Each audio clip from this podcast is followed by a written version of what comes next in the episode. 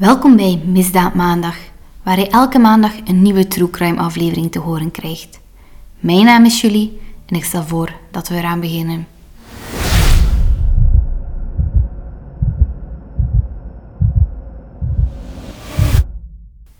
...31 oktober. Halloween. Wat voor vele kinderen een plezierige dag is, werd voor Devin Griffin een nachtmerrie. Wat hij aanvankelijk als een Halloween-grap aanzag, bleek de harde realiteit te zijn. Daar in het huis lagen de drie levenloze lichamen van zijn familie.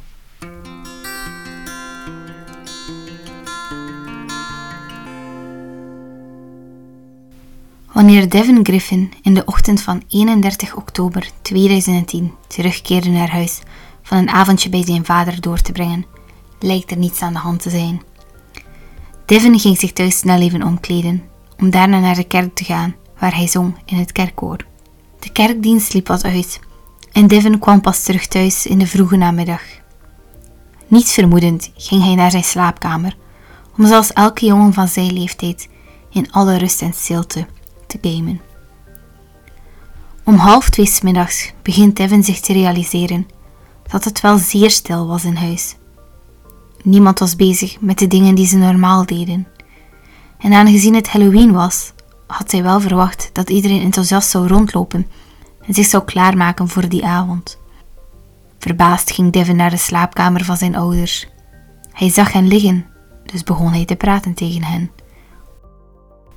Maar Devin kreeg geen antwoord van zijn ouders. Toen hij naar zijn mama's kant van het bed liep en haar begon te schudden, maar nog steeds geen antwoord kreeg, begon de paniek toe te slaan. Hij trok het teken dat over zijn ouders lag weg, en het laatste wat hij zich kan herinneren is al het bloed dat hij zag. Devin rende het huis uit terwijl hij zijn tante om hulp vroeg. In het huis legde de politie een gruwelijke scène bloot. William, de vader, was vijf keer in het hoofd en gezicht geschoten. Susan, de moeder, was eerst aangerand voordat ze drie keer van dichtbij in het hoofd was geschoten. De muren van de slaapkamer waren bedekt met bloedspatten. Daarna ging de politie naar de slaapkamer van Derek. Devin was de kamer van zijn broer niet binnengegaan, dus hij had geen idee wat ze daar gingen aantreffen. De deur van Derek's slaapkamer was van aan de binnenkant op slot gedaan. De politie trapte de deur in en daar lag Derek op zijn bed helemaal opgekruld met zijn rug naar de deur en zijn gezicht naar de muur. Zijn autopsie bracht later aan het licht dat hij stierf wegens een slag op zijn hoofd. Maar wie zou er nu de Lisk-familie willen vermoorden? Iemand die hen kende? Een vreemde? Waren het secteleden die opgewonden waren door het hele Halloween-gebeuren? Het duurde niet lang voordat de politie enkele verdachten op het spoor had. Devin zelf zou een verdachte kunnen zijn, maar de buren beweren iets te hebben gehoord wat leek op geweerschoten rond zes uur in de ochtend. En toen was Devin bij zijn vader. Uit het verleden was er ook niets wat wijze dat hij in staat was om zoiets te doen. Maar er was een lid van de familie bij wie dit wel zo was. Toen Devin die ochtend thuis kwam om zich om te kleden, liep hij BJ zijn stiefbroer tegen het lijf. Hij vroeg aan Devin waar hij naartoe ging, hoe lang het ging duren, hoe hij daar ging geraken. BJ praatte veel, iets wat hij anders nooit deed. En volgens Devin zag hij er ook gelukkig uit. Wanneer de politie in het verleden van BJ keek, had hij al een redelijk groot strafblad. In 2002 had BJ, die toen 16 was, gedreigd zichzelf iets aan te doen na een ruzie met zijn vader, William. Volgens politiedossiers viel BG de politieagenten aan wanneer ze aankwamen. Dit was het begin van een drastische achteruitgang, zowel in BJ's mentale gezondheid als in zijn gedragsproblemen.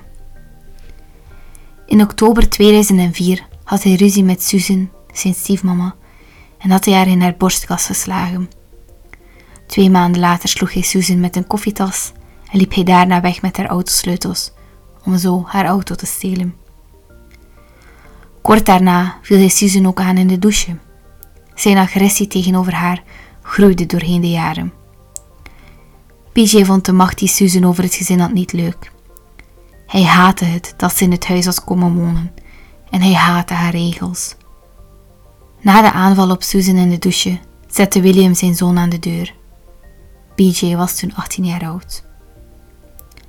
Na elke agressieaanval werd BJ weggehaald door de politie of door zijn vader. Maar de politie liet hem telkens vrij, omdat hij niet kon terechtstaan voor zijn daden. In plaats daarvan werd hij naar een instelling gestuurd om te recupereren, waarna zijn vader hem terugnam. Ondanks alle ruzies gaf William zijn zoon nooit op. In februari 2006 vroeg hij nog om voogdijschap over BJ. Volgens dossiers werd BJ in 2007 opgenomen in het ziekenhuis om behandeld te worden voor zijn schizofreniestoornis. De weken voor de moord had William nog een poging gedaan om zijn relatie met BJ te verbeteren. Ze trokken samen voor een week naar een chaletje en gingen daar gaan jagen. Alles leek perfect toen BJ en William terugkeerden naar huis, 24 uur voor de moorden. Op de avond van hun terugkeer hadden William en BJ redelijk veel gedronken. Dus liet William BJ op de bank bij hen thuis slapen, omdat hij niet meer in staat was om auto te rijden. In het huis deden agenten er ondertussen alles aan om uit te zoeken wie de dader was. In verdere gesprekken met de politie meldde Lori, de tante van Devin die de hulpdiensten had gebeld, dat ze had geprobeerd naar het huis te bellen tussen 7 uur s morgens en 9 uur s morgens, omdat Dirk niet was komen opdagen op het werk. Er nam niemand op. Een Ford F-150 pick-up truck was ook verdwenen van bij het huis. Op dit punt werd BJ Lisk de politie hun hoofdverdachte, aangezien hij nergens te vinden was en de auto die bij de familie hoorde verdwenen was. Er was ook helemaal geen spoor van een inbraak of een overval. BJ werd uiteindelijk teruggevonden in de chalet waar hij en zijn vader eerder die week waren om te gaan jagen. Agent Michael Bellish zag een witte Ford pick-up truck die matchte met de beschrijving van de auto waar BJ vermoedelijk in rondreed. Hij meldde dat BJ naar buiten kwam, tegen de veranda leunde en een sigaret rookte. Agent Bellish benaderde BJ met zijn geweer op hem gericht totdat er versterking aankwam om BJ in de boeien te slaan. De arrestatie verliep vlekkeloos. BJ werd aanvankelijk beschuldigd van één moord. Ze beschuldigen hem slechts van één, omdat het genoeg was om hem vast te houden, totdat de zaak aan een jury kon worden voorgelegd, waarin ze konden bepalen of ze hem voor meer moorden konden aanklagen. Onderzoekers probeerden nog steeds het exacte tijdstip van de moorden uit te zoeken. De buren hadden geweerschoten gehoord rond 6.30 uur in de ochtend. Tante Lori had het gezin proberen te bellen tussen 7 uur morgens en 9 uur morgens, maar niemand nam op. Devin kwam thuis rond 9.30 uur in de ochtend om van t-shirt te wisselen en hij vertelde dat hij enkel BJ zag in het huis. Hij kleedde zich om en vijf minuten later vertrok hij naar de kerk. Ook moesten ze nog uitzoeken hoe iedereen vermoord werd. Onderzoekers vonden een bloederige hamer in het huis wat volgens de wetsdokter overeenkwam met de wonden van Derek. Het geweer waar Susan en William mee werden vermoord, werd niet gevonden. Ze vonden wel modderige voetafdrukken op het dek bij de vijver van de familie, dus men vermoedde dat de dader het moordwapen daarin had gesmeten. De vijver werd leeggetrokken, maar er werd geen geweer gevonden. Speurhonden gespecialiseerd in het ruiken van wapens hebben het grootste deel van het terrein afgezocht, maar hebben ook niets gevonden. Devin vertelde onderzoekers dat de familie een groot aantal geweren bezat, dus veel daarvan werden in beslag genomen om te kunnen testen. De wapens en andere bewijsmaterialen uit het huis werden naar het Ohio Bureau voor criminele identificatie en onderzoek voor forensische testen gezonden. Ook werd er een theorie uitgestippeld over waarom er twee verschillende moordwapens werden gebruikt. Ze gingen ervan uit dat Dirk eerst werd vermoord. Het geluid van de slag van een hamer zou William en Susan niet wakker hebben gemaakt. En om er zeker van te zijn dat hij niet ging overmeesterd worden, Toen hij zijn ouders ging vermoorden, gebruikte hij een geweer in plaats van een hamer. Vermoedelijk werd William eerst vermoord, aangezien ze denken dat Susan aangerand is voor zij vermoord werd. Er werden geen kogelhulzen aangetroffen in de slaapkamer. De moordenaar had dus de tijd genomen om deze allemaal op te rapen en zo zijn sporen uit te wissen. Wel wisten de onderzoekers zeker dat de kogels van een klein kaliber waren. Wat het motief voor BJ was om zijn familie te vermoorden, is nog steeds onduidelijk. Je staat niet zomaar op op een dag en vermoordt je familie uit het niets. En waarom, als BJ Devon die ochtend zag, koos hij ervoor om hem te laten vertrekken? Had BJ zijn familie al vermoord voordat hij Devon die ochtend zag? Of was er iets dat hem triggerde nadat Devon al was vertrokken? Mark Radel, een vriend van de familie, herinnerde zich verschillende gesprekken die hij in de loop van hun vriendschap met William Lisk had gehad. Die gesprekken gingen over de veiligheid van het gezin, die in gevaar werd gebracht door BJ. Maar die zorgen werden altijd beantwoord met: BJ zal ons geen kwaad doen. Maar als je zo dicht bij iemand staat, kan het onmogelijk zijn om voorbij je liefde voor hen te kijken. William had voorafgaand aan deze gesprekken verschillende fysieke verwondingen van zijn zoon opgelopen. Mark Redel en zijn vrouw Michelle verdachten BJ ook van het doden en verwonden van verschillende van hun huisdieren, waaronder een hond. Diezelfde vriend vergezelde William, BJ en een paar anderen op een Halloweenfeest zaterdagavond, de avond voor de brute moorden. William en BJ waren net terug van hun vader-zoon jachttocht voor het feest. Mark Gradle zei dat iedereen in een goed humeur leek te zijn en het naar zijn zin had. In november 2010 werd BJ beschuldigd van zes aanklachten van moord met verzwarende omstandigheden. Twee voor elke vermoorde persoon. Drie van de aanklachten waren moord met voorbedachte raden en drie waren moord gepleegd in het kader van diefstal met geweld. Op deze beschuldigingen pleitte BJ onschuldig. BJ werd vastgehouden in de gevangenis van Ottawa County met een borstsom van 3 miljoen dollar. Hij werd vertegenwoordigd door twee door de rechtbank benoemde advocaten. Een andere advocaat, Gary Coley, werd aangesteld als voogd van BJ. Het was deze advocaat die om een spreekverbod vroeg, en deze ook kreeg, om te voorkomen dat informatie in deze zaak onmiddellijk werd vrijgegeven.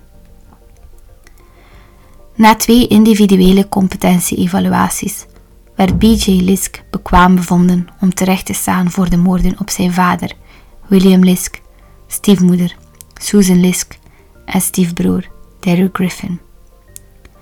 Op 12 augustus werd er een vooronderzoek georganiseerd. Het was tijdens deze hoorzitting dat B.J. schuldig pleitte aan de drie aanklachten van moord met verzwarende omstandigheden. Dit deed hij om te ontkomen aan de doodstraf, die nu geschrapt werd uit de lijst van mogelijke straffen, omdat hij schuldig heeft gepleit.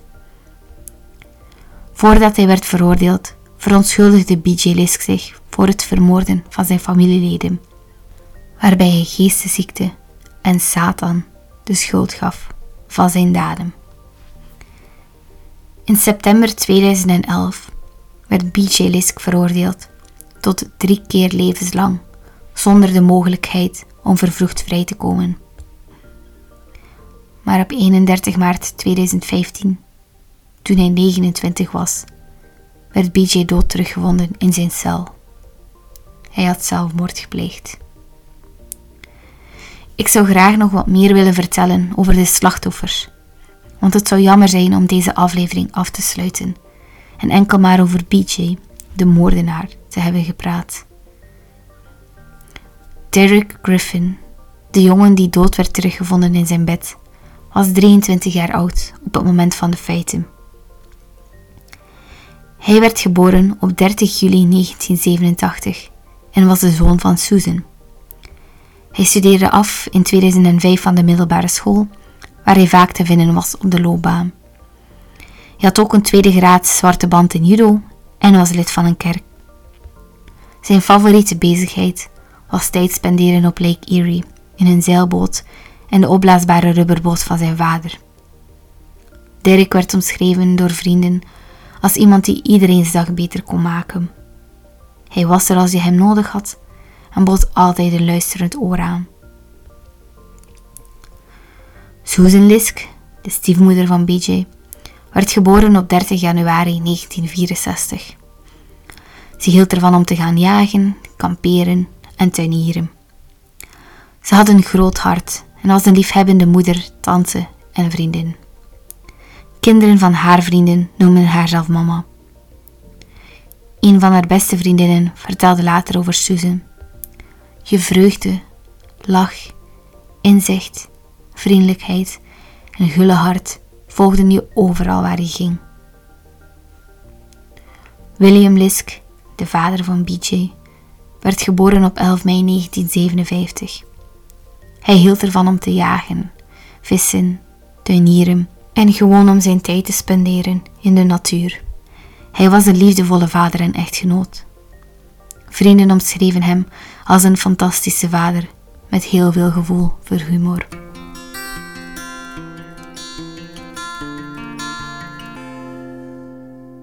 Ik wil deze aflevering van de podcast afsluiten met het herinneren van de levens die verloren zijn gegaan.